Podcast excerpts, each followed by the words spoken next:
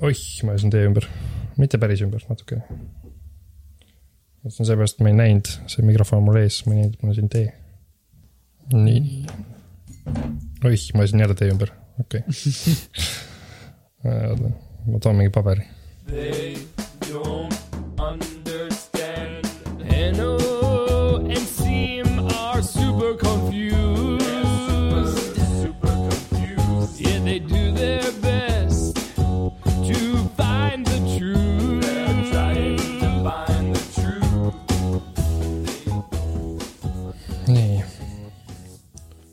pühkisin tee ära. ma panin kohe kirja ka, et Henna tee ümber, ma ei tea, kas see jäi lindi, meile linti, aga. Okidoki, ma mõtlesin, kas meil on midagi muud peale koroonaviirusega rääkida või siis teeb kõik. ma mõtlesin ka vahepeal selle, et kas me peaks, et äh, siin võib-olla inimesed on tüdinud juba sellest teemast, aga samas me ju kõik elame sellega, et see ongi nüüd, see ongi nüüd meie elu, mis me siin ikka varjame. aga ma arvan, et mõnest asjast võiks küll rääkida, mis ei ole otseselt koroonaviirus. mm, kuidagi tore jah, aga, aga ma pean ka tunnistama, mu elus ka ei ole eriti suurt midagi muud. kõik, mis mu elus toimub, on vähemalt sellega seotud, aga okei okay,, ma räägin ühe asja ära, mis ei ole absoluutselt sellega seotud. noh, mis asja, mul on tükk aega olnud üks äh, sihuke asi siin Notes'is. et ma kunagi vaatasin, vaatasin meie Saamoliga Youtube'ist mingeid videosid. jah, ma vaatan Saamoliga Youtube'ist videosid, tegelikult ma väga tihti ei vaata. ta vist tahtis näha Sipsiku treilerit mm. Ja siis juhuslikult hakkas mängima mingi asi, mingi video äh, mingist tüübist, kellel on sihuke huvitav masin. kas sa mäletad Lotte filme on ju, sa vaatasid kunagi neid Ülisega? Lotet ma ikka tean jah, mäletad, neil on sellised siuksed leiutised, kõik on nagu sihuke puidust ja väntadega nojah, jah. ja kõik nagu töötab. ja mõne sees on, mõne leiutise sees on naine, kes hakib porgandeid. jah, mõnel leiutise sees on naine. Siis sa vaatasid, ma alati mõtlesin, et noh, tegelikult ju ei ole kellelgi siukseid masinad. keegi ei tee nagu puidust mingeid väntadega siukseid keerulisi masinaid. aga siis juhuslikult ma hakkasin, nägin äh, Youtube'ist siukest, mingi kanal nimega Winter Katan, näitan sulle. ja seal konkreetselt on üks tüüp ehitas siukse masina, mis on vändaga, enam-vähem puidust. ja ta väntab seda ja see hakkab mängima muusikat väga kaunilt. ja see on selline masin, kus on, mis nagu võtab metallist kuule, viib need kuskile kõrgele ja siis hakkab neid sealt ükshaaval kukutama ksülofoni üksteise plaadikeste peale Mm -hmm. ja siis ka kõlab väga kaunis muusika. ma panen selle lingi ka. et see, siis ma mõtlesin, et oh, see on täpselt nagu mingi masin kuskilt Lotte leiutajate külast. ma pole kunagi näinud nagu sellist asja. ma olin üle üllatunud, et keegi siukse masina tegi. Mm -hmm. ma ei tea, kas sa oled näinud sellist masinat? seda konkreetselt ei ole, ma olen näinud mingeid teisi sarnase, sarnaseid masinaid küll, mis on, ma ei tea, see konkreetne, kas sellel tegijal on veel masinaid või? kas ta on kuulus sellepärast, et ta teebki siukseid Äh. masinaid? ta teeb, ma ei, ma täpselt ei tea, ma olen näinud jah, et ta teeb konkreetselt enam-vähem sellist masinat ja uuendab seda ja näitab, kuidas seda teeb ja kuidas ta neid.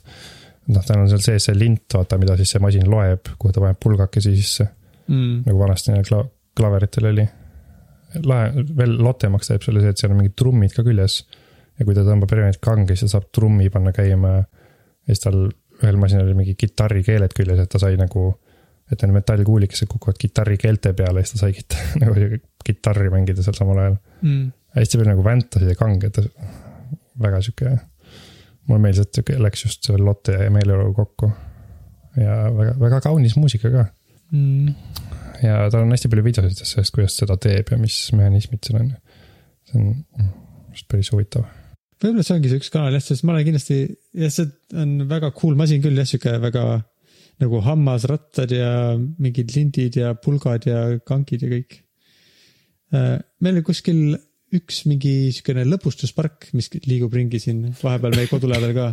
mis sa köhid seal? miks sa köhid? ma köhin väga, ma hoiatan, ma köhin seekord veel rohkem kui eelmine kord, sellepärast ma joon siin teed ka. okei okay., aga on üks sihuke lõbustuspark, mis käib ringi, mis on, mille nimi on Carter's Steam Fair. ja neil on siukene ka üks karussell, kus keskel on siukene, vähemalt visuaalselt näeb välja äh, nagu, et on mehaaniline muusika tegemise masin. ja seal on ka igast siuksed trummikesed ja mingid vilepillid ja asjad. aga seda mehhanismi ei ole näha, sellepärast et seal ei ole hammasrattaid ja kuule, kuuli, kuulikesi liikumas, seal lihtsalt sa näed, kuidas mingid trummid löövad ja mingi orelist tuleb mingit hääl välja aga see on cool im jah, siin on, sa nagu näed, kuidas heli valmib. see on päris lahe jah, jah. sest kui sa seda kuulad, siis see ei tundu nagu see mingi masin teeb seda, et vaid tundub nagu, kas see on päris. aga kuna ta nii palju videosid on teinud, siis ma usun, et see on päris. no ma jah, ma jah, vist sellega ei hakkaks kahtlema. siis mul tuli huvitav mõte sellega seoses, vaata igasugused elektroonika muusika tüüpidele, et mõned teevad, oh ma teen arvutiga siin oma elektroonilist muusikat, aga siis teised on nagu, ah see on nii jama ja sihuke, et mina teen ikka analoogsüntesaatoritega, mis ma panen mingite juhtmetega kokku. ja huvitav, kas sa saaks siuksed analoogs mingid süntesaatorid ka teha, kui paned mingi kuulikesed sisse ja siis nagu tegelikult võib-olla ma ei tahagi nii väga, et see oleks analoog, aga lihtsalt sa saaksid selle siukse masina ühendada nagu oma äh, muusika tegemise tarkvaraga, siis mängid näiteks oma seda keyboard'i peal mingit meloodiat ja siis need pallikesed sealt kukuvad õigetesse kohtadesse, teevad äh, häält. See oleks väga cool minu meelest, kui saaks seda kontrollida niimoodi, et sa näed nii visuaalselt, kuidas see, et heli tekitaja on sul niisugune mingi mehaaniline objekt, aga sa kontrollid seda mingisuguse oma iPad'i pealt ja, või mingi. aa, sa mõtled niimoodi, et digitaalsed kontrollid ja mehaanika teeb häält või? Äh, nojah, tegelikult see ei ole nii hullult oluline, et tahaks digitaalselt just kontrollida, aga et ta oleks nagu osa sellest siuksest nagu, et ei ole lihtsalt eraldiseisev füüsiline suur objekt, vaid ta on siuke asi, et sa paned sinna juhtme külge, et võib-olla ta on analoogjuhe nagu analoog elektriline selles mõttes siis või ta on äh, digitaalne midi kaabel, aga ta on, võtab nagu siis osa sellest äh, sinu efektide rägastikust. mm,. okei okay., ma muidu mõtlesin, et muidu oleks võinud sulle soovitada nagu seda klaverit, et tee gaas lahti ja siis sa näed, kuidas väiksed haamrikesed taovad keeli, kui sa vajutad nuppe, aga see mm -hmm. ei Mhm. ole vist päris see, mida sa mõtled. ei no see on päris lahe küll, lahtise, lahtine klaver, mis on ilma, kus ei ole keyboard'i mm.. nagu see, kus ei ole klahvistikku, vaid sa pead midi kaabli külge panema, aga siis hakkavad väiksed haamrikesed lööma, see oleks väga cool. jah, ma kuulsin, et efektid eh, ka mingi siuksed nagu täna- tänapäeval tavaliselt mingid reverbi ja mingi kajaefektid. et vanasti olid selle jaoks, olid stuudiotes eh, kajatoad. Ma ei kujuta nagu, noh, see kõlab nagu loogiliselt, see ei ole eriti üllatav, kui seda välja öelda, aga lihtsalt ma kunagi selle peale mõelnud, et selleks, et mingi kaheksakümnendatel või seitsmekümnendatel, kui ei olnud veel neid efektiblokke, võib-olla siis juba oli, ma ei tea, millal nad tulid, aga ma arvan, et siuksed efektiivsed elektroonilised kajaasjad tulid vast võib-olla kaheksakümnendatel et siis äh, keegi mängis kitarri ja siis oli, pandi kõlar, pandi ühte toa nurka ja tu- tuba oli, tehti mingi Ahaa, suur, õige suurusega, et oleks sihuke mõnus suure ruumi hääl ja siis teises nurgas oli suur nagu mikrofon ja siis põhimõtteliselt äh, nagu füüsiline kajaefekti tuba mm, okei okay,, ma saan, ja see oli nagu standard. Ja stuudios oli mitu erinevat tuba, et kas sa tahad nagu kontserdisaali häält või tahad saada sihukest mingit pubi häält ja siis oli pidi erinevast, erinevast toast läbi laskma selle sound'i, et ta vastu seina siis põrkaks ja teises otsas jälle lind- lindistama. mm, päris huvitav, aga kui sa ütlesid, et eh, nagu terve tuba oli kajaefekt, siis ma mõtlesin, et noh, et ilmselt mingi nii suur arvuti, et võttis terve toa enda alla. aga sõna otseses mõttes tuba tekitas kaja, see on päris huvitav mõte jah. mul ei ole kunagi tulnud, et nii, nii vanasti tehti. seda, see on eks küll, et inimesed käivad eks lindistamas, oo ma käisin Canyonis muusikat lindistamas või oo ma sain seal kontsertsaalis mängida ja lindistada, et see oli cool. et seda, et sa on nagu äh, siuksest nagu elus esituse osa, see on nagu okei okay,, jah muidugi sa tead, et erinevas ruumis muusika kõlab erinevalt ja sa võid saada nagu noh, sa võid otsustada, kuidas või kus sa mängid, et teatud konkreetselt sihukest stiili või tunnet edasi anda. aga jah, see, et see on lindistamise protsessi osa, seda, seda ma, see on huvitav Mm. huvitav, kui palju saaks neid asju kokku panna, et sa paneks kõik, et sul on mingi efektiplokk, mis on mingi kajatuba ja siis äh, tahad seda kaja muuta, siis pead seinasid liigutama mingisuguste suurte aktuaatoritega, mis teevad toa kitsamaks või pikemaks või vahetad, keerad mingit nuppu ja siis tehakse mingid plaadid lahti, nii et toaseinad lähevad pehmemaks või midagi. see on, see on vist way too ma, ma ei tea, keda see erutaks, mulle kõlab see cool'ilt, aga ilmselt mitte äh, võib-olla see mitte muusika fännile või nüüd siukse muusika tegemise fännile kõlab see nagu, miks sa peaksid tahtma siukest rumalust teha. see kõlab nagu kui noh, et noh, vinüül on nüüd suht main- mainstream, aga et kui kunagi oli, et äh, ma tahan ikka vinüülilt seda nagu mehaanilist õiget muusikat, et siis see on nagu äh, umbes paar tuhat sammu veel siin, sinna suunas, et ma tahan ikka seda õiget kaja. ma ostan need õi- õiged ajastukohased äh, plaadid oma seintele, mida vanasti Beatlesid kasutasid, et oma vannitoas teha kaja, mis, mis iganes. Aga see, rääkides igast sellisest vanaaegsest äh, audiotehnikast, siis äh, ma olen paar korda sattunud nägema, kuidas mingi orkester, kes näiteks mängib ma ei tea, mingile oop- ooperile või operetile muusikat, siis kuidas seal äh, perkussioonimehel on päris huvitavad igasugused siuksed äh, heliefekti tekitamise asjad, näiteks mingid vihmahääle tekitamise asjad on, kõik on nagu mehaanilised. no näiteks vist on olnud mingi selline trummel, mida ta siis väntab, kus sees on, ma kujutan ette, et mingid kuulikesed või midagi, mis siis teevad nagu sihukest vihma või äikese või mürinat äh, hästi efektselt järgi.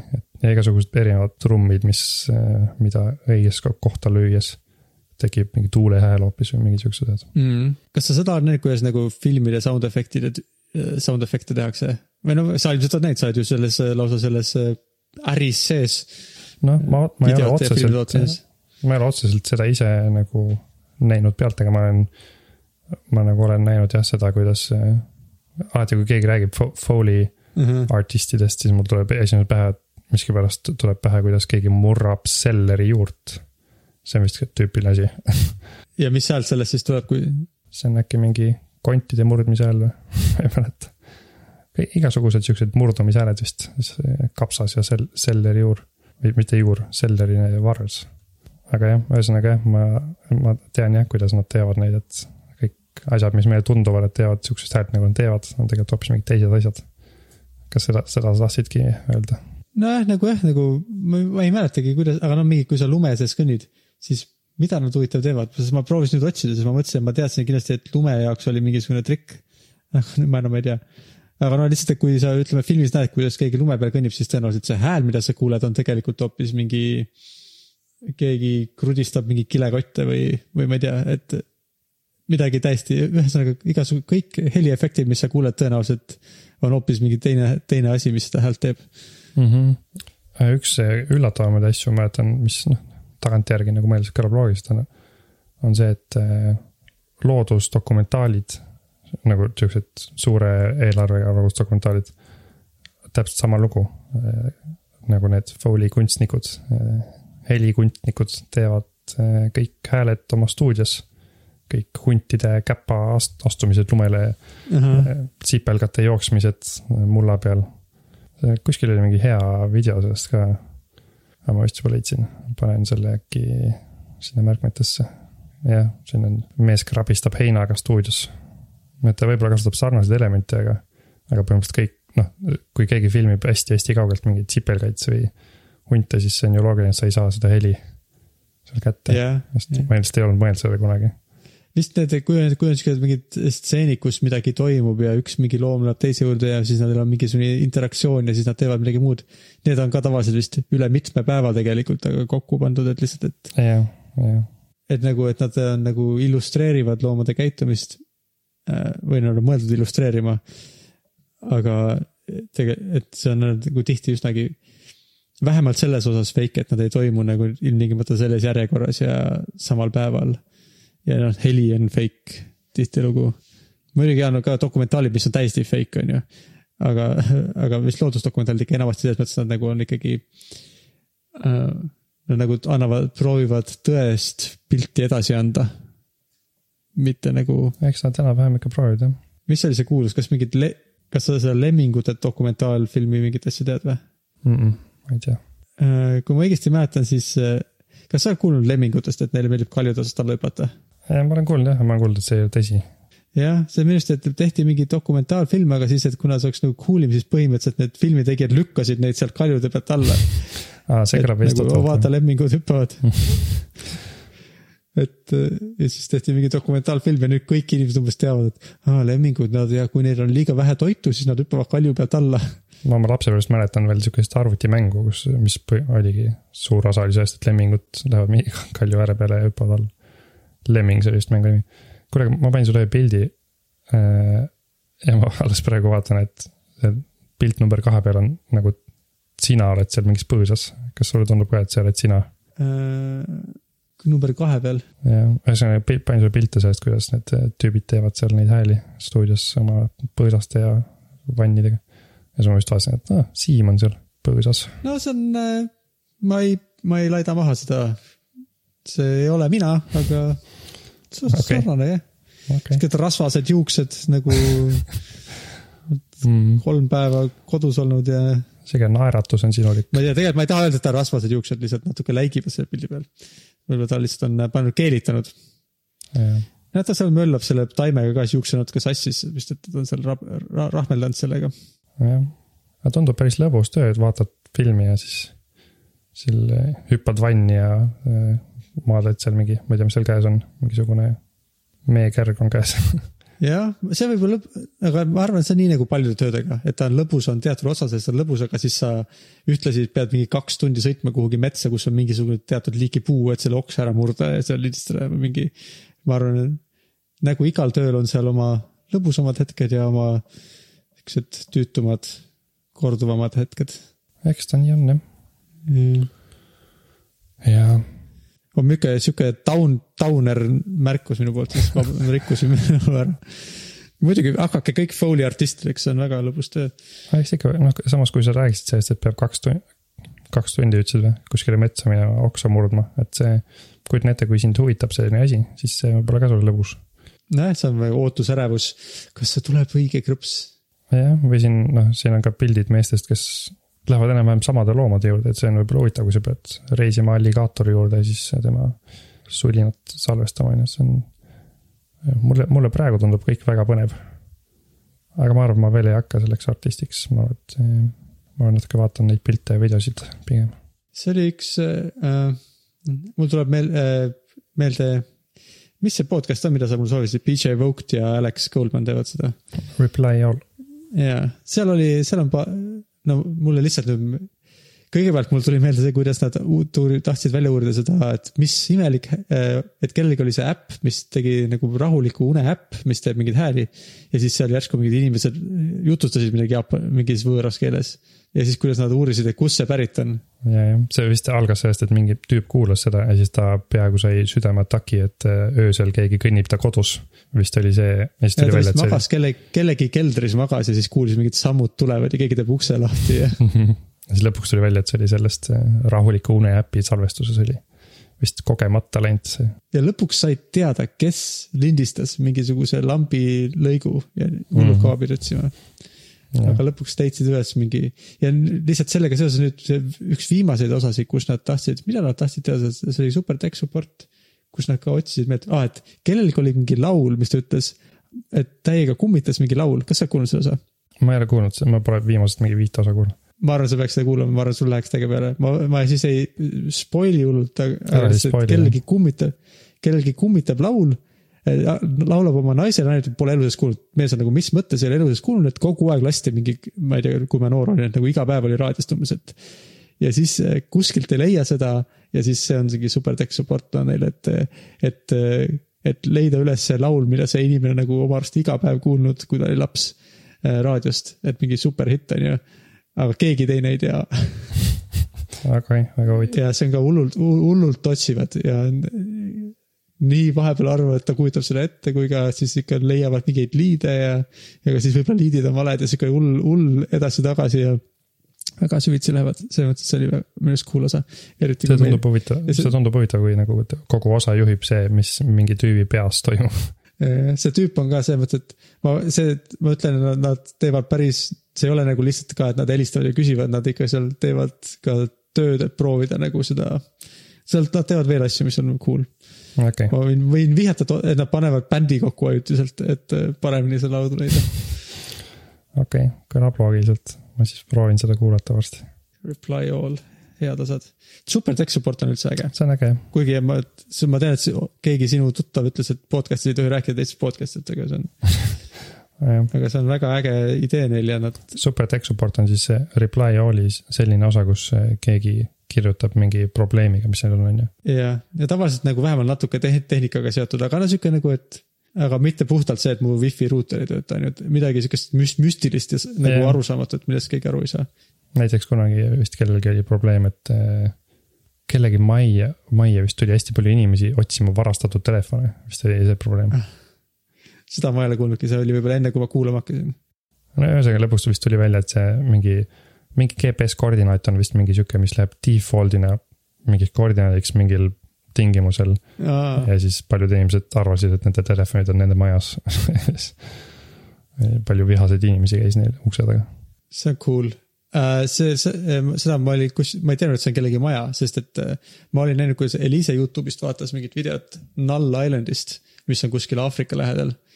mis on vist nagu nullkoordinaadid, null, null. et, et, et kõik inimesed käivad sealt ja hullult populaarne, aga et seal ei ole tegelikult mingit saart, seal on mingi äh, poi ujub vees seal. aga et jah, kui on null äh, laius ja null pikkus, siis see on kuskil seal meres väidetavalt Mm. see kõlab loogiliselt Greenwichist, Greenwichi all, aga äh, Aafrika, no oleks võinud arvata, et ta on mandri peal, aga küllap ta on seal kuskil seal Aafrika selle kuskil lahes mm.. sopi sees, ma ei tea, mis selle lahe, ma ei tea, kas sellel on nimi sellel osal sellest Aafrika, kust Aafrika merd kallistab oma selle suure sopiga, Guinea laht äkki. võib-olla küll. nimi ei kõla üldse tuttavalt, võib-olla meile koolis ei õpetatud siukest asja. kas seal on null või? jah, see võib olla, jah, ta on küll umbes seal Inglismaast allapoole ekvaatori peal. mm. -hmm. kus kõik inimesed siis käivad korra päevas, kui neil GPS signaal ära, ära läheb. mm.. noh, tundub, et meil on küll üht-teist veel rääkida. küll ma olen nii tüdinud lihtsalt sellest koroonaviirusest, et eh, kui mingisugune muu mõte tuleb, siis peab. mm. -hmm. aga, aga viirusest rääkides, siis mis, mis sul siis toimub? Eliise enam koolis ei käi? Eh, ta ei, enam ei käi jah, otse, Boris Johnson tükk aega ütles, et, et kõik käivad koolis ja meile saati minu arust kaks päeva enne seda, kui tuli teada, et ta ei käi koolis, et meil ei ole mingit infot selle kohta, et kool hakkaks ära lõpet-, lõppema, aga siis otsustati, et ikka lõpeb. ja esmaspäevast ei käi, meil ei ole erilist nagu e-kooli mingit värki ka siin Inglismaal, vähemalt mitte siukest nagu suurel skaalal, et millest kõik umbes koolid osa võtaksid. et erinevatel koolidel võib-olla endal on mingid süsteemid. aga nad on, meil on siin laua peal mingid eh, nädalaprogramm, vist iga nädal panevad üles iga klassi nagu vanuseklassi kohta, et mida nad peaksid siis inglise keeles tegema, mida nad peaksid matemaatikas tegema, mida nad peaksid tegema oma topikainetes. sest et selles neljandas klassis, kus Eliise käib, mis Eesti mõttes on siis võib-olla vanuselt pigem teine klass nagu. et seal neil ongi põhimõtteliselt on keel, matemaatika ja siis siuksed äh, muu aine, mis võib olla kas ajalugu või teadus või äh, muusika. et siis on äh, siuksed neli programmi nädala kohta, me noh, tunduvad siuksed okeid, väga palju asju ei tundu olevat, aga. aga võib-olla, aga võib-olla ma ka kujutasin ette, et ta õpib hirmus palju iga nädal koolis, aga võib-olla nad õpivadki niimoodi natukene ja kordavad ja harjutavad. aga kas see, kas te siis, kas teist keegi üritab siis nagu rohkem nagu õpetajaga olla, kui tavaliselt äh, no eks me peame vist jah, on mingi päev, aeg päevast, kui te olete nagu õpetajad ja Eliise on koolis või, sihuke tunne? ma arvan, et peab nii tegema jah, sest et me ei ole veel seni ju teinud, esmaspäeval järgmine kord ma võib-olla saan Aa, äh, okei. raporteerida, kuidas on. sest et ta reedel veel käis koolis ja homme on esimene päev siis, kus ta hakkab seda oma kava järgi õppima no ma siis küsin järgmine kord uuesti. mm.. aga ta oli natuke põnevil küll, ta lugesime selle läbi siis ta oli, oo, see on äge. koordinaadid, ma oskan koordinaate teha ja siis näitas mulle, kuidas mingeid asju koordinaatide telje peale panna ja Hmm. okei, talle tundus, et meeldis. no tore, et talle meeldib äh, see idee. Ja kuidas sul kodus töötamisega läheb? tead, selg on veits kange, muidu pole häda, muidu pole väga häda. meil on päris mitu sihukest mingit äh, küsitlust saadetud töö juures ka, et noh, kuidas kodus töötamine ikka läheb. siis alguses ma olin väga positiivne, ütlesin, ah, mis mul ma olen siin harjunud, ma olen vana Linuxi pede ja töötan, vabandust, see on, ei peaks vist Linuxi, Linuxi fänn. ja olen harjunud siin käsurealt töötama ja ainult brauserit on muidu vaja ja aga lõpuks ikka hakkas igasugused väiksed asjad tulema, siis nagu, et umbes kui mul on vaja kellegagi miitingut teha, siis ma pean vaatama, kas Merit on toas mu selja taga. või kui on, siis ma pean minema kuhugi teise kohta, et mitte nagu ta ei peaks mul siin taga ringi jalutama ja tundma, et ta on minu miitingus.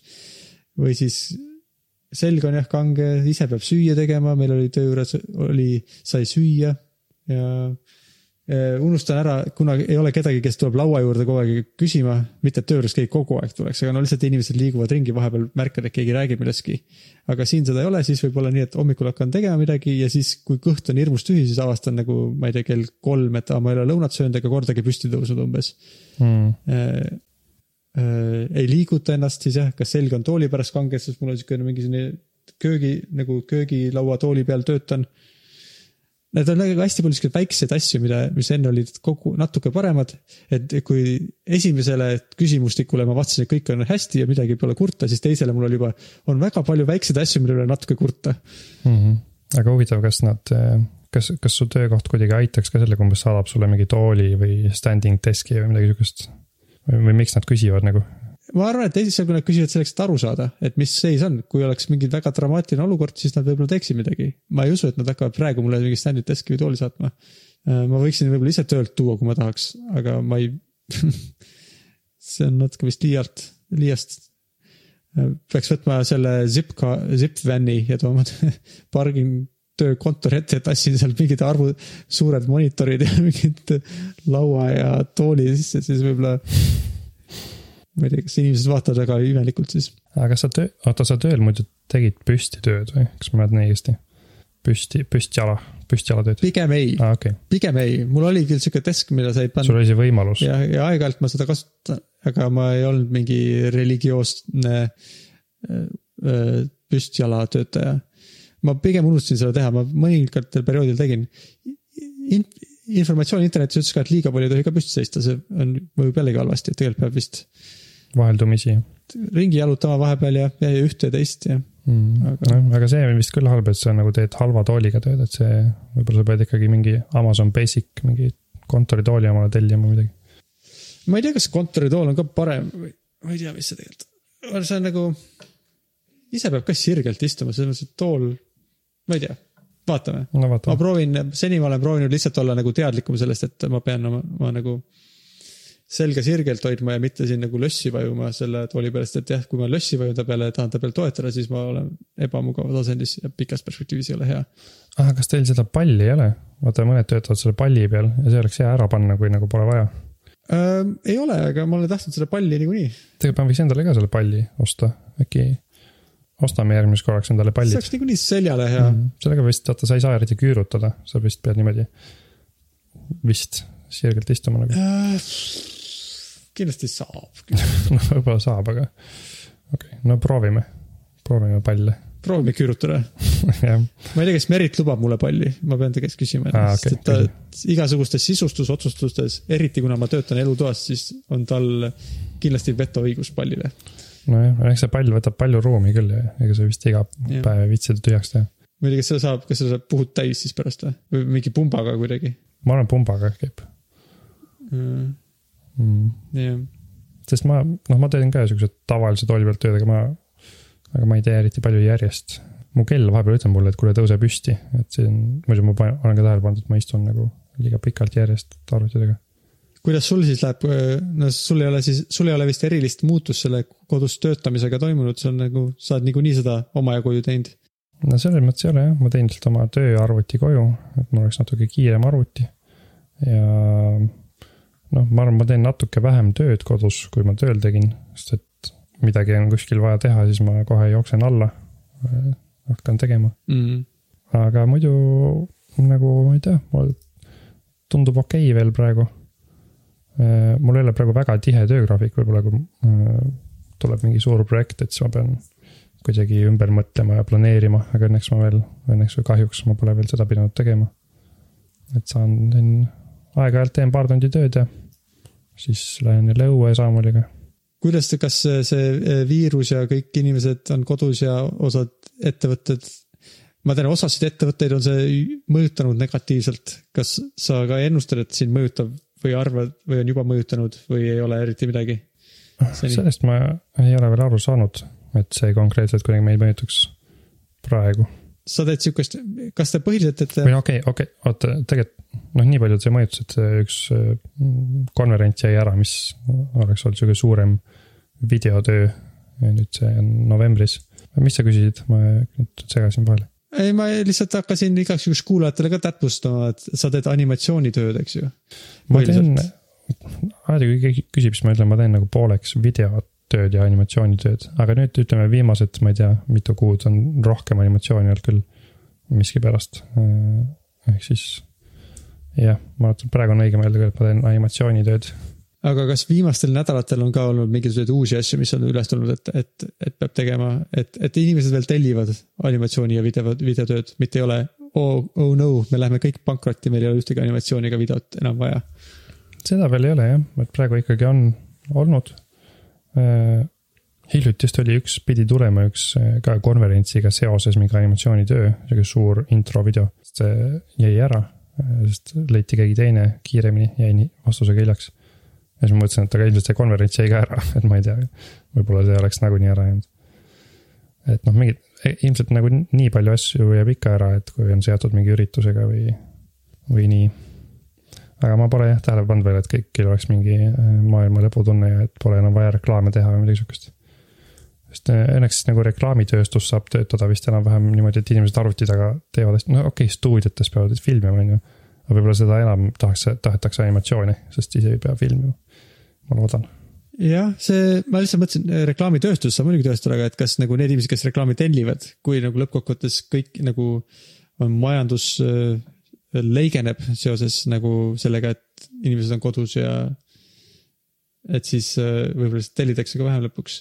ei, ma saan aru mis sa äh, mõtled, noh lõpuks jah, peaks ju olema nii, et kui ke- keegi ei käi tööl ja ei tee midagi, siis äh, ilmselt see peaks mõjutama küll midagi. ma lihtsalt kõige konkreetsemalt ma tean, et, et meil on, meil on mingisugused Whatsappi grupid siin tehtud.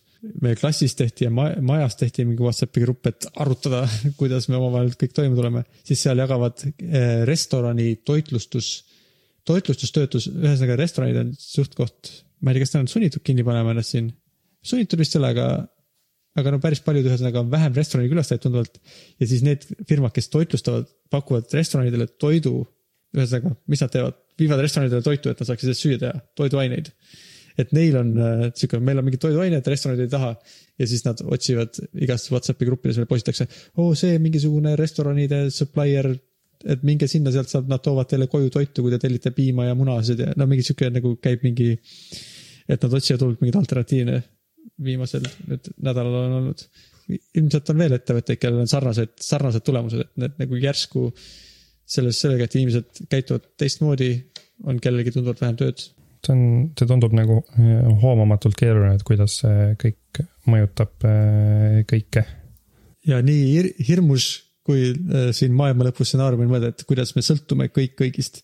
et kui see süsteem kuidagi nagu millegipärast katki läheks kasvõi natukeseks ajaks, siis kui nagu katastroofiline see oleks. kui see natuke aega on kauem kui paar nädalat, siis ma arvan, ja, jah paar nädalat võib-olla elaksime üle selle. mm. -hmm. aga kas sa lugesid seda uut Toomas Pueyo artiklit ka, koroonaviirus, The Hammer and the Dance. see on seesama tüüp, kes seda eelmise kirjutas, see oli Flattening the Curve. Äh, ma olen seda kuskil, ma ei ole lugenud. kas saad mm. -hmm. seda kokku võtta, mis seal siis räägitakse? no, no ta põhimõtteliselt räägib seal seda, et, et okei okay,, et inimesed saavad aru, et see on tõsine asi. suured riigid ka, aga suured riigid väga nagu midagi väga ranget ei tee.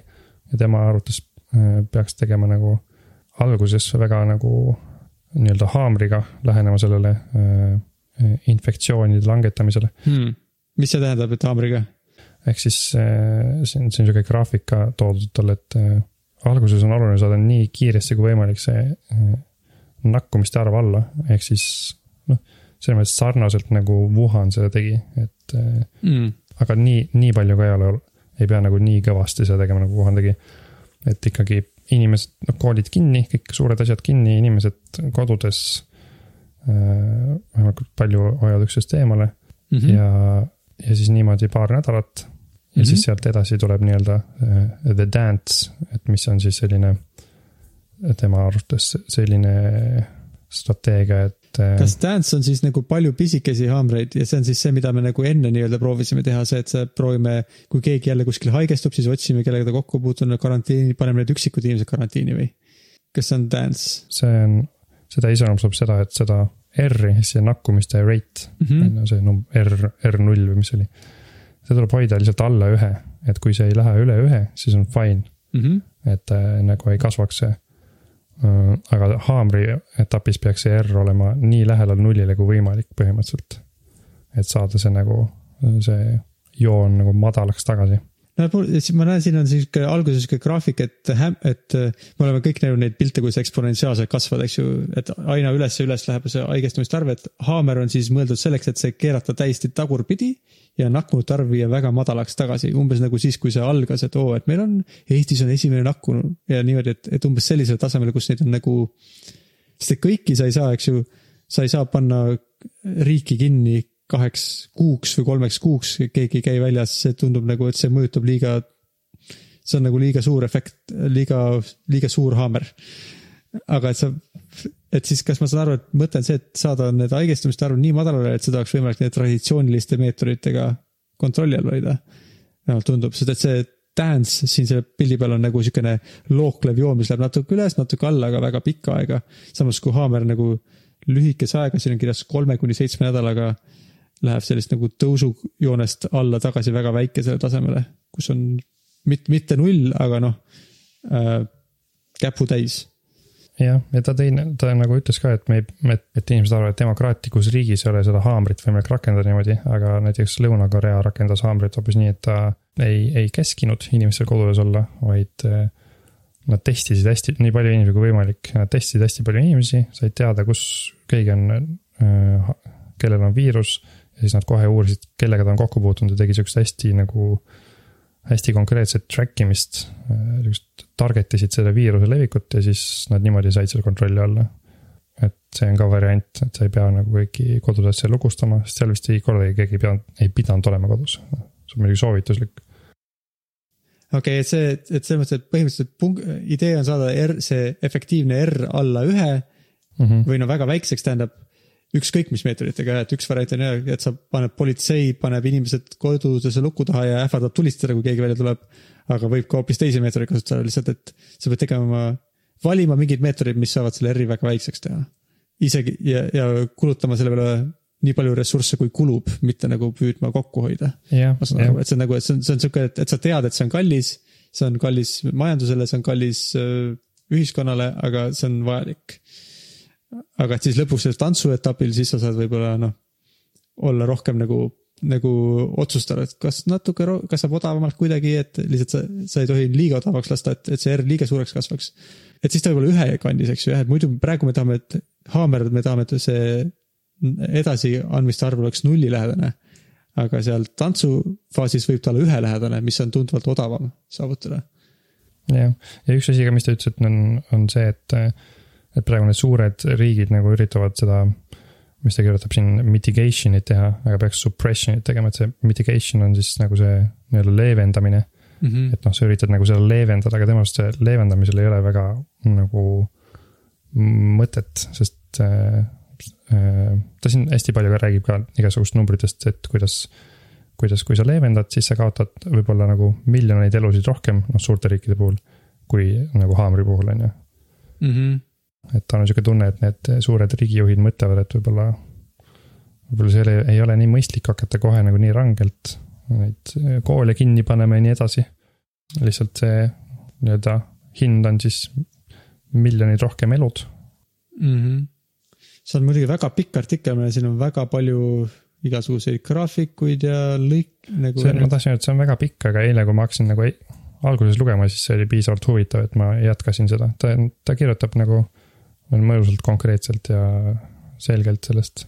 mulle tundub ka, et siin on iga pealkirja all on nagu mõned lõigud ja mitte nagu hirmus palju teksti ja siis on jälle erinevad graafikud, et nagu seletajale, toetajale tundub jah sihuke nagu hästi seeditav, äh, põhjalik, mitmekülgne aga no mina ei ole veel lugenud, nii et ma siin vaatan lihtsalt puht visuaalselt, kuidas ta välja näeb mm. -hmm. jah, see, aga see on huvitav jah, kuidas ta, vist ta siin internetis levis ka vahepeal see Fantastic Epidemic Calculator, kus on huvitav kalkuleerida ikka USA puhul siis mitu miljonit inimest tõenäoliselt ära sureb, kui nad jätkavad nii, nagu nad praegu jätkavad. mis on päris eh, jahmatav mm..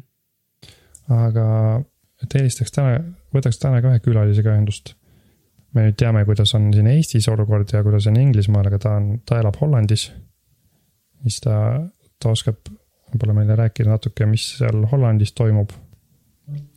tere, Mari-Liis. tere. tere. et eh, siin on Siim ja siin on Mari-Liis, ma siin kursoriga näitan teie peale, kui te ei näe. tere, ma ei näe sinu kursorit, aga mm.. ja ma ka ei näe me siin Siimuga nagu mõtlesime, et me alustame mitte viiruse teemal vahelduseks, aga nüüd me lõpuks jõudsime jälle viiruse juurde tagasi. siis mõtlesime, et äkki on nüüd okay. hea aeg sinuga ka rääkida sellest. Et ma, ma rääkisin Siimule, et, et sinuga on äkki hea rääkida, seepärast et sa, kui ma õigesti aru saan, sa teed Hollandi eestlastele regulaarselt mingisugust kokkuvõtet ja. jaa, ma hakkasin tegema seda sellepärast, et, et ühel päeval ütles Aktuaalses Kaameras mingi totaalselt vale uudise Hollandi kohta, et, et Hollandis oli hüppeline positiivsete testide kasv, et saja neljakümne nelja pealt hüppas kaheksasaja üheksakümne peale või midagi sellist aga tegelikult oli see kasv sada nelikümmend neli, et eelmine päev oli kaheksasada midagi. et, et ja siis hästi paljud küsisid, et, et oot, kuidas see võimalik on, et nii suur kasv ja niimoodi, et siis ma sain aru, et tegelikult nad ei jälgi kohalikke uudiseid ja, ja, ja aga infot soovivad teada. ja siis ma hakkasin tegema neile kokkuvõtet okei okay., ja siis teine asi, mis ma veel siin Siimule ütlesin, enne kui ma sulle helistasin, et, et sa, sa oled töötanud mingis tervisehoiu. asutuses jah, et äh, ma tegin, käisin magistrantuuris äh, tervishoiutehnoloogia erialal ja töötasin Medicumis äh, teadus-arendusosakonna juhatajana. et äh,, et tervishoiutehnoloogina jah, üks osa sellest oli ka epidemioloogia ja, ja riigikorraldus ja, ja kõik selline, et selles suhtes see hästi pakub mulle huvi, et kuidas erinevad riigid on praegu lahendanud selle, selle viiruse leviku tõrjumise mul on kohe niisugune tunne, et meil on äh, siin podcast'is keegi, kes teab midagi millestki. Ma, ma kohe ütlen ära, et ma ei ole ekspert, ma olen ainult huviline. Ma ütlesin ka Mari-Liisile, et äh, ei peaks survet tundma, et me Siimuga ei tea eriti midagi, et sa ei pea olema see, kes teab kõike mm. meil on ka huvi, meil on huvi asjade vastu ja siis me räägime neist liiga palju. aga, et me siin Siimuga oleme omavahel rääkinud seda, mis Eestis on ja mis Inglismaal on, noh, et Siim just rääkis, et siin vist esmaspäevast nüüd lõpuks enam ta laps ei pea minema kooli või ei saa minna kooli, on ju. et kui. et nagu nädal aega hiljem kui mujal, eks ole. ja, jah, kui ranged meetmed seal on kasutusele võetud või kui leebed?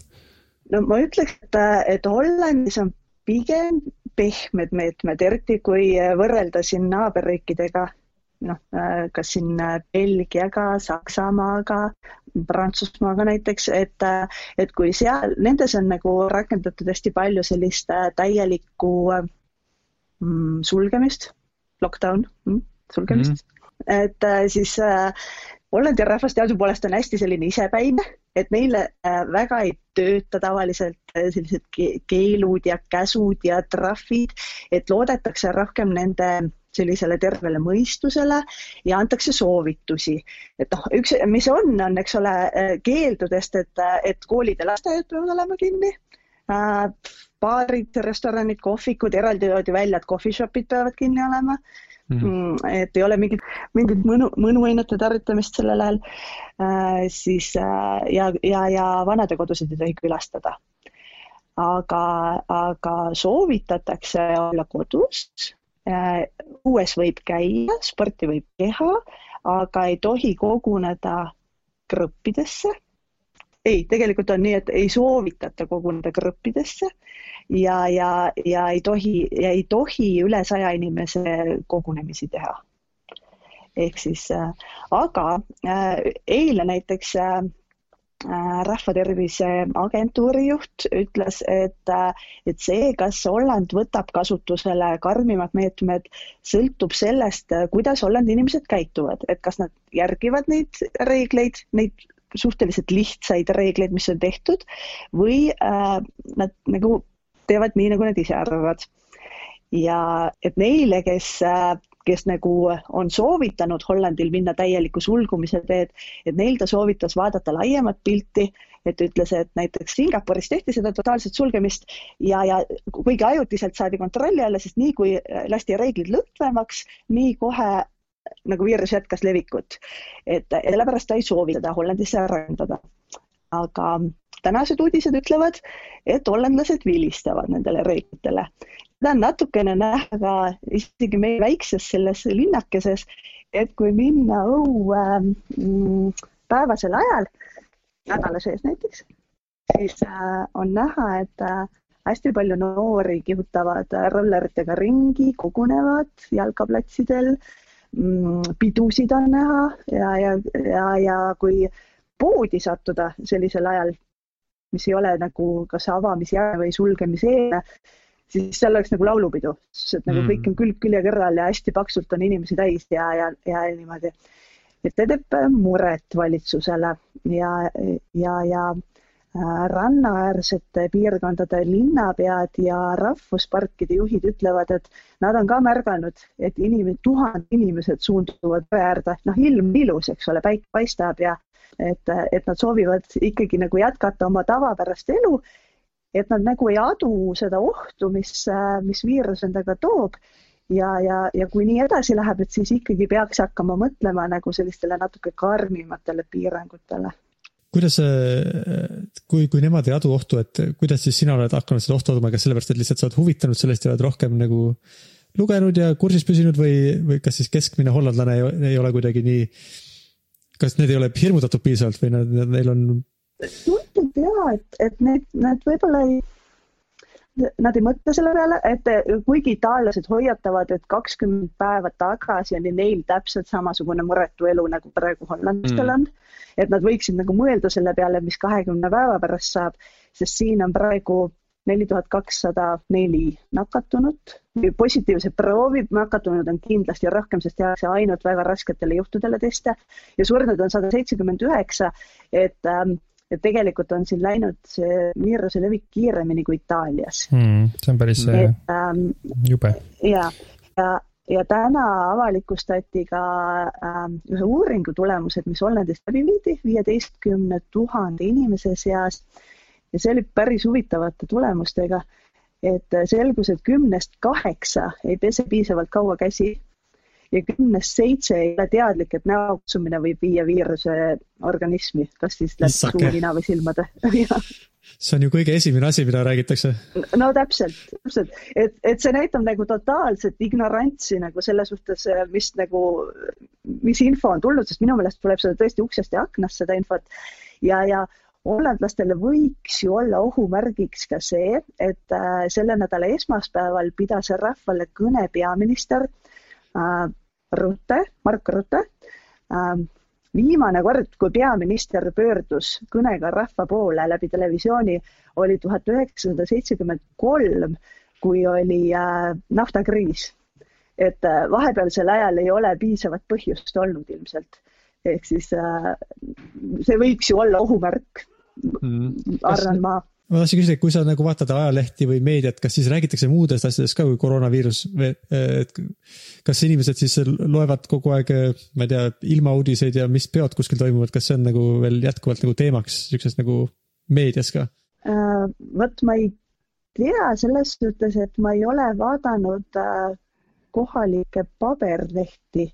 ma olen vaadanud uh, kohalikke lehti mis on inglise keelde tõlgitud ja seal on küll peamiselt ainult koroonauudised ah,. aga ma tahtsin rääkida veel sellest peaministri kõnest, see oli hästi põnev selles suhtes, et, et ta, et ta ütles, et, et nad ei sooviks Hollandit lukustada, et nad sooviks, et mingisugune sotsiaalne suhtlus säiliks, et tekiks karjaimmuunsus ja, ja läbi selle Äh, nagu äh, kaitseks äh, neid äh, haavatavaid gruppe.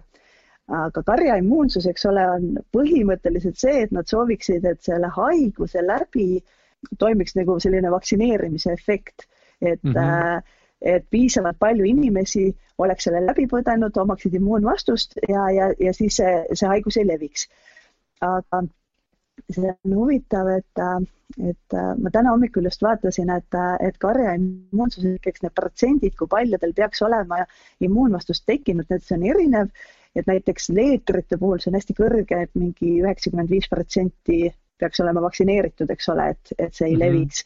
siis, siis Covid üheksateistkümne puhul nad arvavad, et piisaks, kui oleks viiskümmend, kuuskümmend protsenti läbi põdenud ehk siis nagu noh, selle haigusega nagu saavutada, saavutada selline vaktsineerimise efekt, kuivõrd vaktsiini veel ei ole.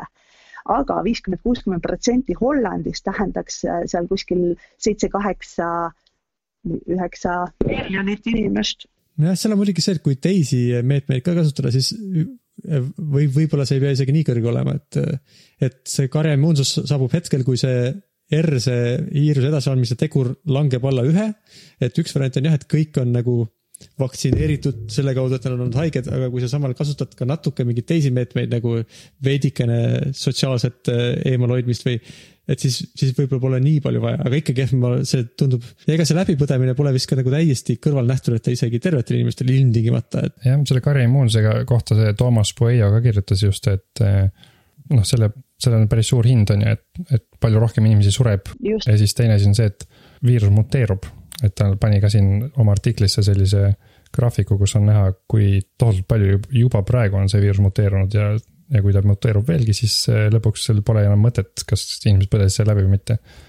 et kui ta järgmine aasta jälle tuleb, on ju. ja, ja sellepärast ka nagu sai peaminister nagu väga palju sellist kriitikat selle kõne pärast mm., mille pärast ta pidas nagu vajalikuks selgitada, et karjaimmuunsus ei ole siiski eesmärk omaette ja ta loodab, et see tekib nagu kõrvaltoimena kogu selle Mm. protsessi käigus ja et eesmärk omaette on ikkagi hoida maksimaalselt kontrolli all see viiruse levik, aga säilitades siiski sotsiaalset läbikäimist, et et tundub, et ei ole nagu sellist väga ühtset seisukohta siin leitud, et, et mida tegema peaks Äh, mind huvitas veel see, et sa ütlesid, et sa nagu informeerid siis äh, Ho- Hollandi eestlasi, et kuidas, kuidas sa seda teed?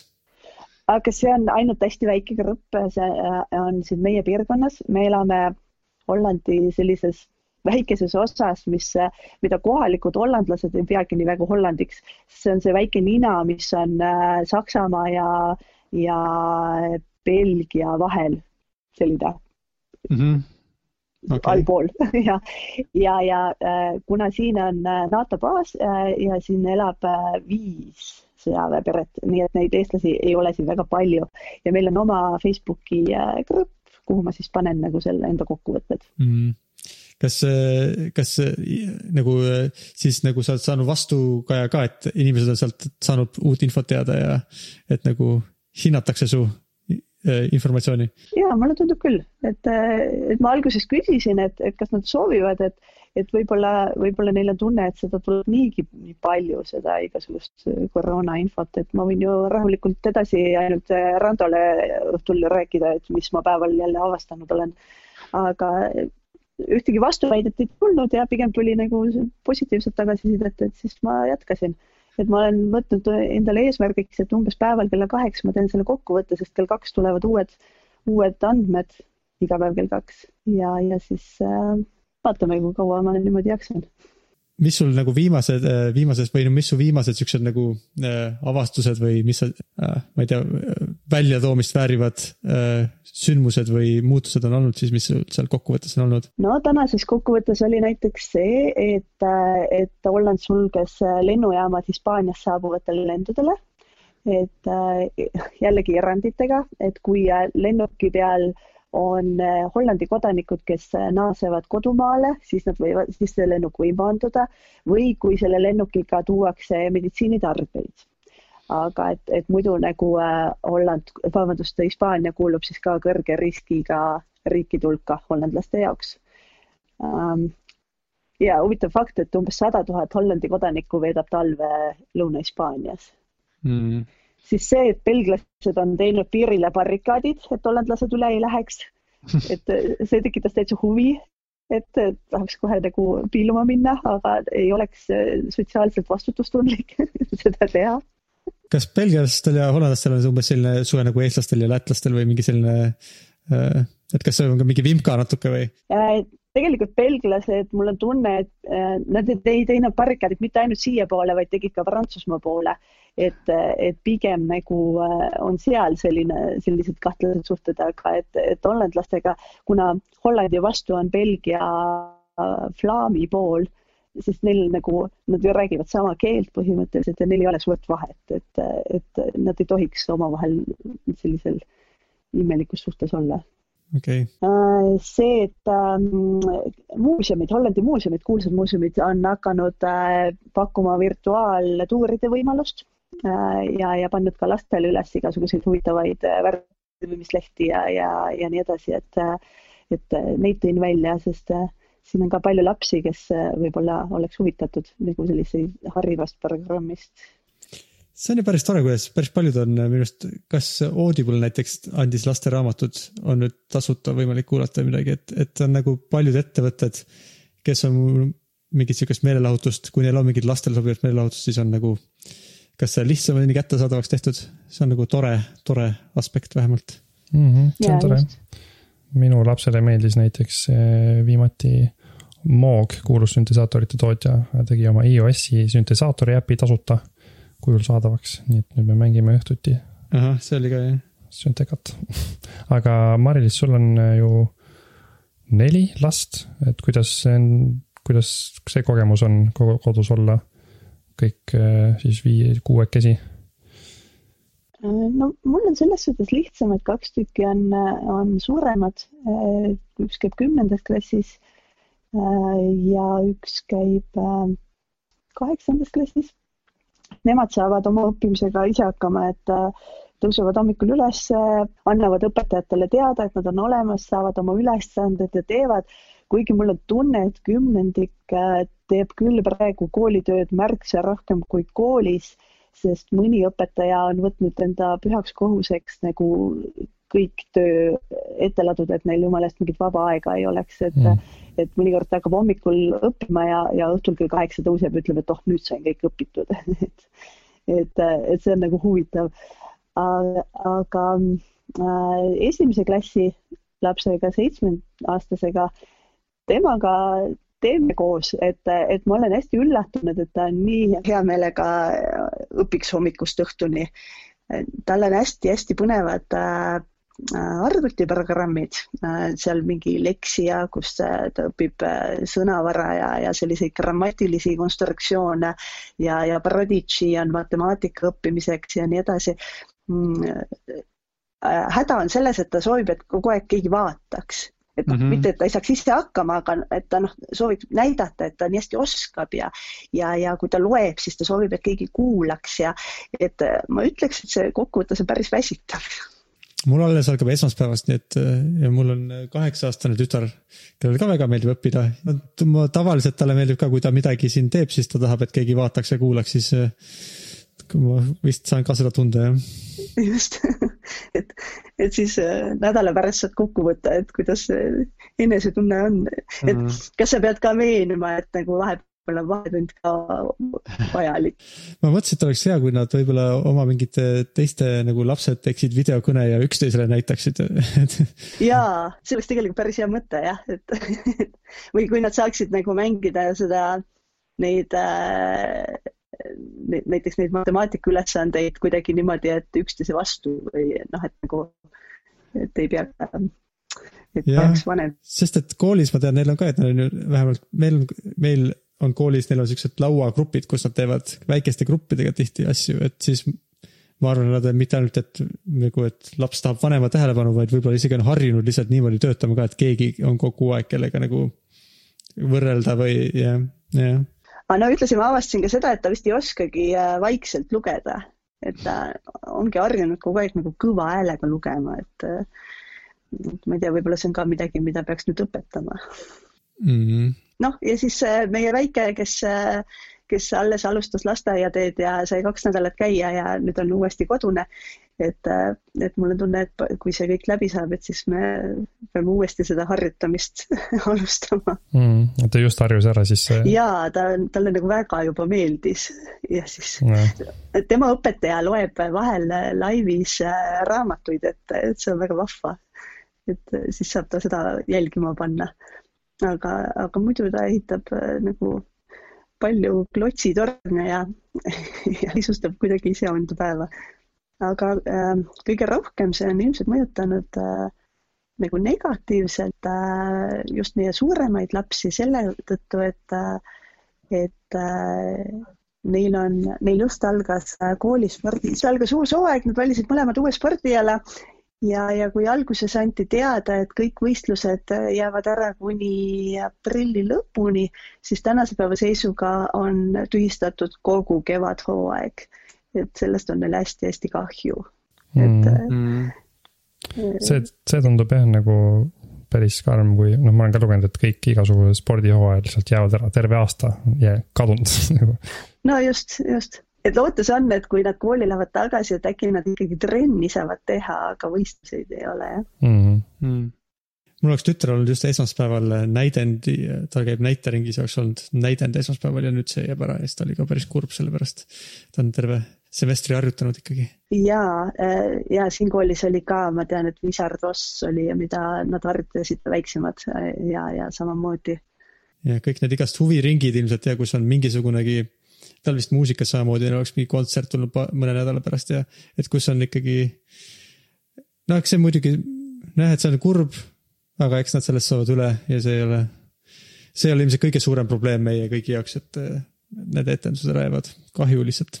aga nii kihva oleks olnud, kui, kui nad äh, nagu tahtsid, et esmaspäeval enam kooli ei ole, et näiteks reedel oleks selle videosse võtnud ja siis, kui see esietendus pidi olema, siis näiteks mingisuguse mm. online'ina äh, lahendanud selle. mm.. jah, võib-olla järgmine kord, kui tuleb järgmine viirus, siis me oleme kõik nagu, teame paremini, kuidas neid asju korraldada.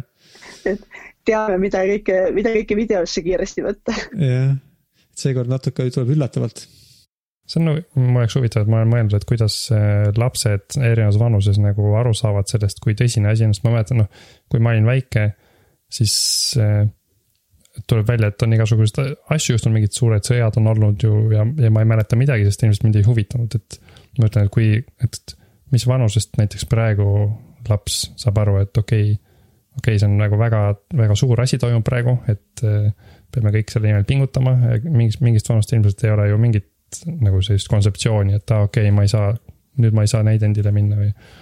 et, et ma ei tea, kas sa, Mari-Liis, sa oled aru saanud, kuidas su lapsed erinevas vanuses sellesse, sellesse nagu suhtuvad või? no seitsmeaastane ju tuli kodust, ta koolist tagasi mingi lauluga, et, et ma ei katsu oma nägu oma mustade kätega ja nagu, et neile juba seal selliselt mänguliselt äh, tehti need põhireeglid selgeks ja, ja teab, et on viirus ja see on väga nakkav. sellest hoolimata, kui äh, kas see oli esmaspäeval, kui naabritüdruk tahtis küll mängima tulla ja ma saatsin ta igaks juhuks tagasi, sest, sest äh, Randol on äh, kurk valus ja me ei tea, millest see on mm.. siis, siis ta oli pettunud ja, ja ei saanud aru, et, et kui nad lähevad kolmandale tema tuppa, et, et kuidas see siis nagu võiks äh, mõjutada. ja, ja mm. -hmm. Et kohati tundub, et ta saab nagu väga hästi aru ja siis, ja siis teiselt poolt, kui nagu elulised situatsioonid tulevad, et siis ta nagu ei taha hästi mõista seda, et et, et jah, tõesti, tema peab ka mingisuguseid ohverdusi tooma mm.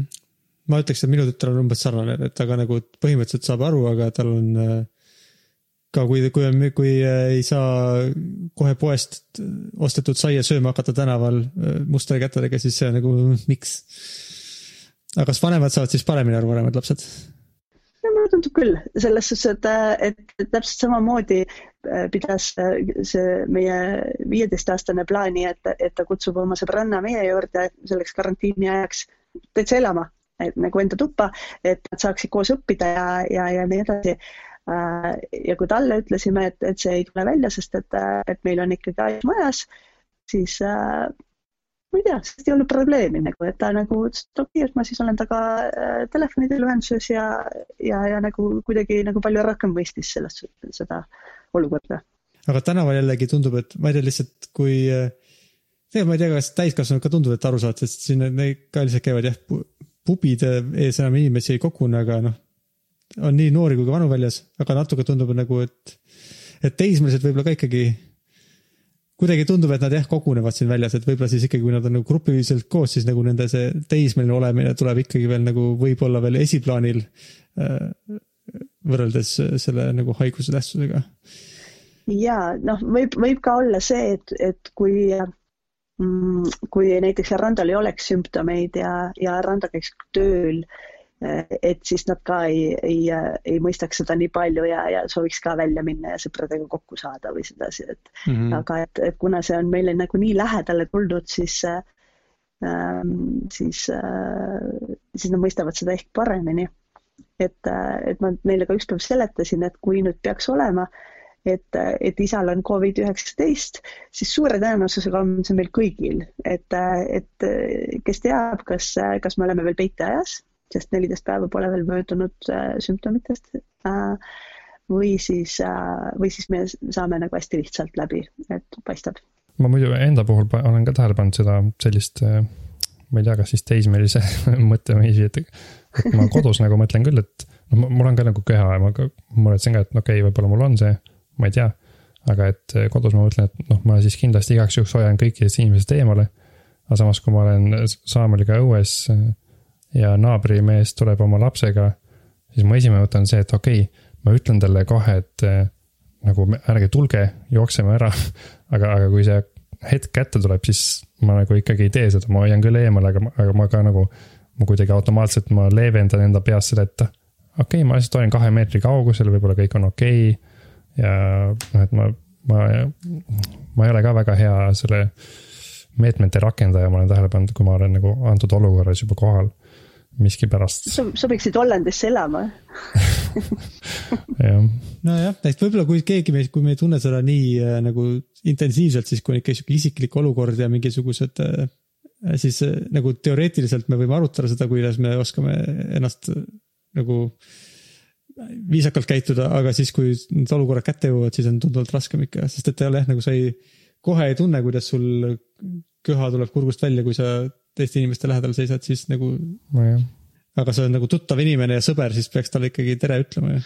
no just, et, et, et siin tekib ka selline nagu dilemma, et, et see käitumine, mis siiamaani on olnud viisakas, on nüüd nagu ebasoovitav, eks ole, et mm. -hmm. et ja siis sa ja siis sa pead nagu, nagu sundima ennast käituma natuke ebaviisakalt, et, et sellega ilmselt tulebki harjuda. just. kuule, aga me oleme nüüd päris pikalt juba kokku rääkinud, et peaks hakkama seda äh, ära lõpetama, seda saadet. kas meil on veel viim- mingeid viimaseid tähtsaid nagu kokkuvõtvaid asju, et tuleb ikka käsi pesta ja nägu ei maksa katsuda või? ja käsi tuleb pesta vähemalt kakskümmend sekundit Mhm. ja, ja, ja niimoodi nagu kirurgid, on ju, näpuotsa Just. puhtaks. ja randmeid ei tohi unustada ja ma olen randmeid küll unustanud. küüneümbruseid, jah. mul on, mul oli kunagi väga vahva hügieenikoolitus tööl, kus äh, kõigepealt seletati, et äh, kuidas käsi pesta. siis me pidime oma käed tegema mingi keeliga kokku, mida ei, mida ei näinud Mhm. ja siis me käisime käsi pesemas ja siis, kui me tagasi tulime, siis me panime enda käed mingi valguse alla ja mm Mhm. -hmm. see, see keel muut-, muutis värvi, et me nägime, kust kohast pesemata on. aa, okei okay,, huvitav. See tundub päris hea, seda peaks kõigile tegema. see võiks igas kodus olla, sihuke süsteem. ja, ja see oli hästi huvitav, et nagu kuidas äh, esimesed, kes tegid, neil olid kõikidel olid sõrmevahed, eks ole, mustad, nii. Mm. järgmised juba teadsid, nii, hõõrusid enda sõrmevahed hästi korralikult puhtaks. sõrmus, sõrmuse ümbert oli kõik, absoluutselt kõikidel, et põhimõtteliselt ei olegi võimalik äh, tavalise käepesuga täiesti, täiesti korrektselt siit äh, puhtaks saada mm.. Seda ma ei teadnud. ja, ja, ja just need küüneümbrused ka olid sellised, mis, mis äh, vajasid ülepesemist ja randmed. okei okay., näed, ma saan, mul kätepesu läheb nüüd veel pikemaks, ma arvan. kas näo mitte käperdamisega on ka mingisuguseid trikke ja reegleid? seda peab lihtsalt on raske meeles pidada ja kogu aeg on tahtmine sügada. ma vaatasin seda ku- kurs, kurssesasti, sakstakti videot eh, koroonaviiruse kohta. kurske jah sakt., ja seal oli hea, hästi oli sõnastatud, et eh, pese oma käsi.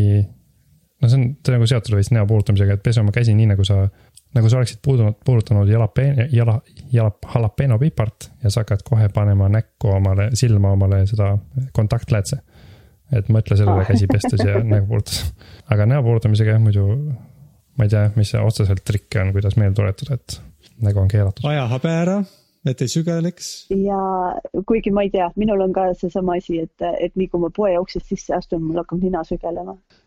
ma ise mõtlesin, et kuigi ei soovitata, eks ole, neid isetehtud maske, et nad äh, viirust kinni ei hoia, aga, aga vähemalt mehaaniliselt nad kaitseks äh, suu ja nina puudutamisest. jah, ja ma olen ka kuulnud, et inimesed kohendavad neid maske, et siis tegelikult see võib isegi hullem olla, et et käpid tegelikult rohkem mm.. Ja siis sul peab olema distsipliin, mitte seda sättida kogu aeg. just ja, ja et ikkagi vahetaks, et need, kes panevad, et need ei jätaks terveks päevaks. aga peseme siis korralikult käsi ja ärme käperda nägusid ja äh, ei hakka teisi inimesi kallistama, kui nad kui isegi kui nad on meie sõbrad ja tuttavad. aa, siin Äh. oli ka üks, üks huvitav fakt sellest, et, et üle poolte sellest viieteist tuhandest vastanust, mis uuring, mis ma rääkisin, käivad sotsiaalsetel kogunemistel, kus on üle kahekümne inimese ja noored kallistavad ja surevad kätt keskmiselt viis korda päevas endiselt. mm,. et, et jah, ei kallista enam. Mm, jah, jah, ma, ma üldse ei aita kaasa sellele lõpetamisele, ma saan aru. see juhtub alati. Me ei ole üldse osavad selles üldiselt jah. ja aga tänan siis meile külla tulemast vist ja rääkimast, kuidas Hollandis käib. aitäh sulle. aitäh teile kutsumast. ja räägime siis jälle võib-olla järgmine kord nädala-paari pärast. vaatame, kuidas jõuab. kui väga veel viirus meile selga tuleb jah, ostame omale need pallid mm. mm. ja istume pallide peal. okei aga taas kuulmiseni siis. okay., ja ja, ja tšau. tšau.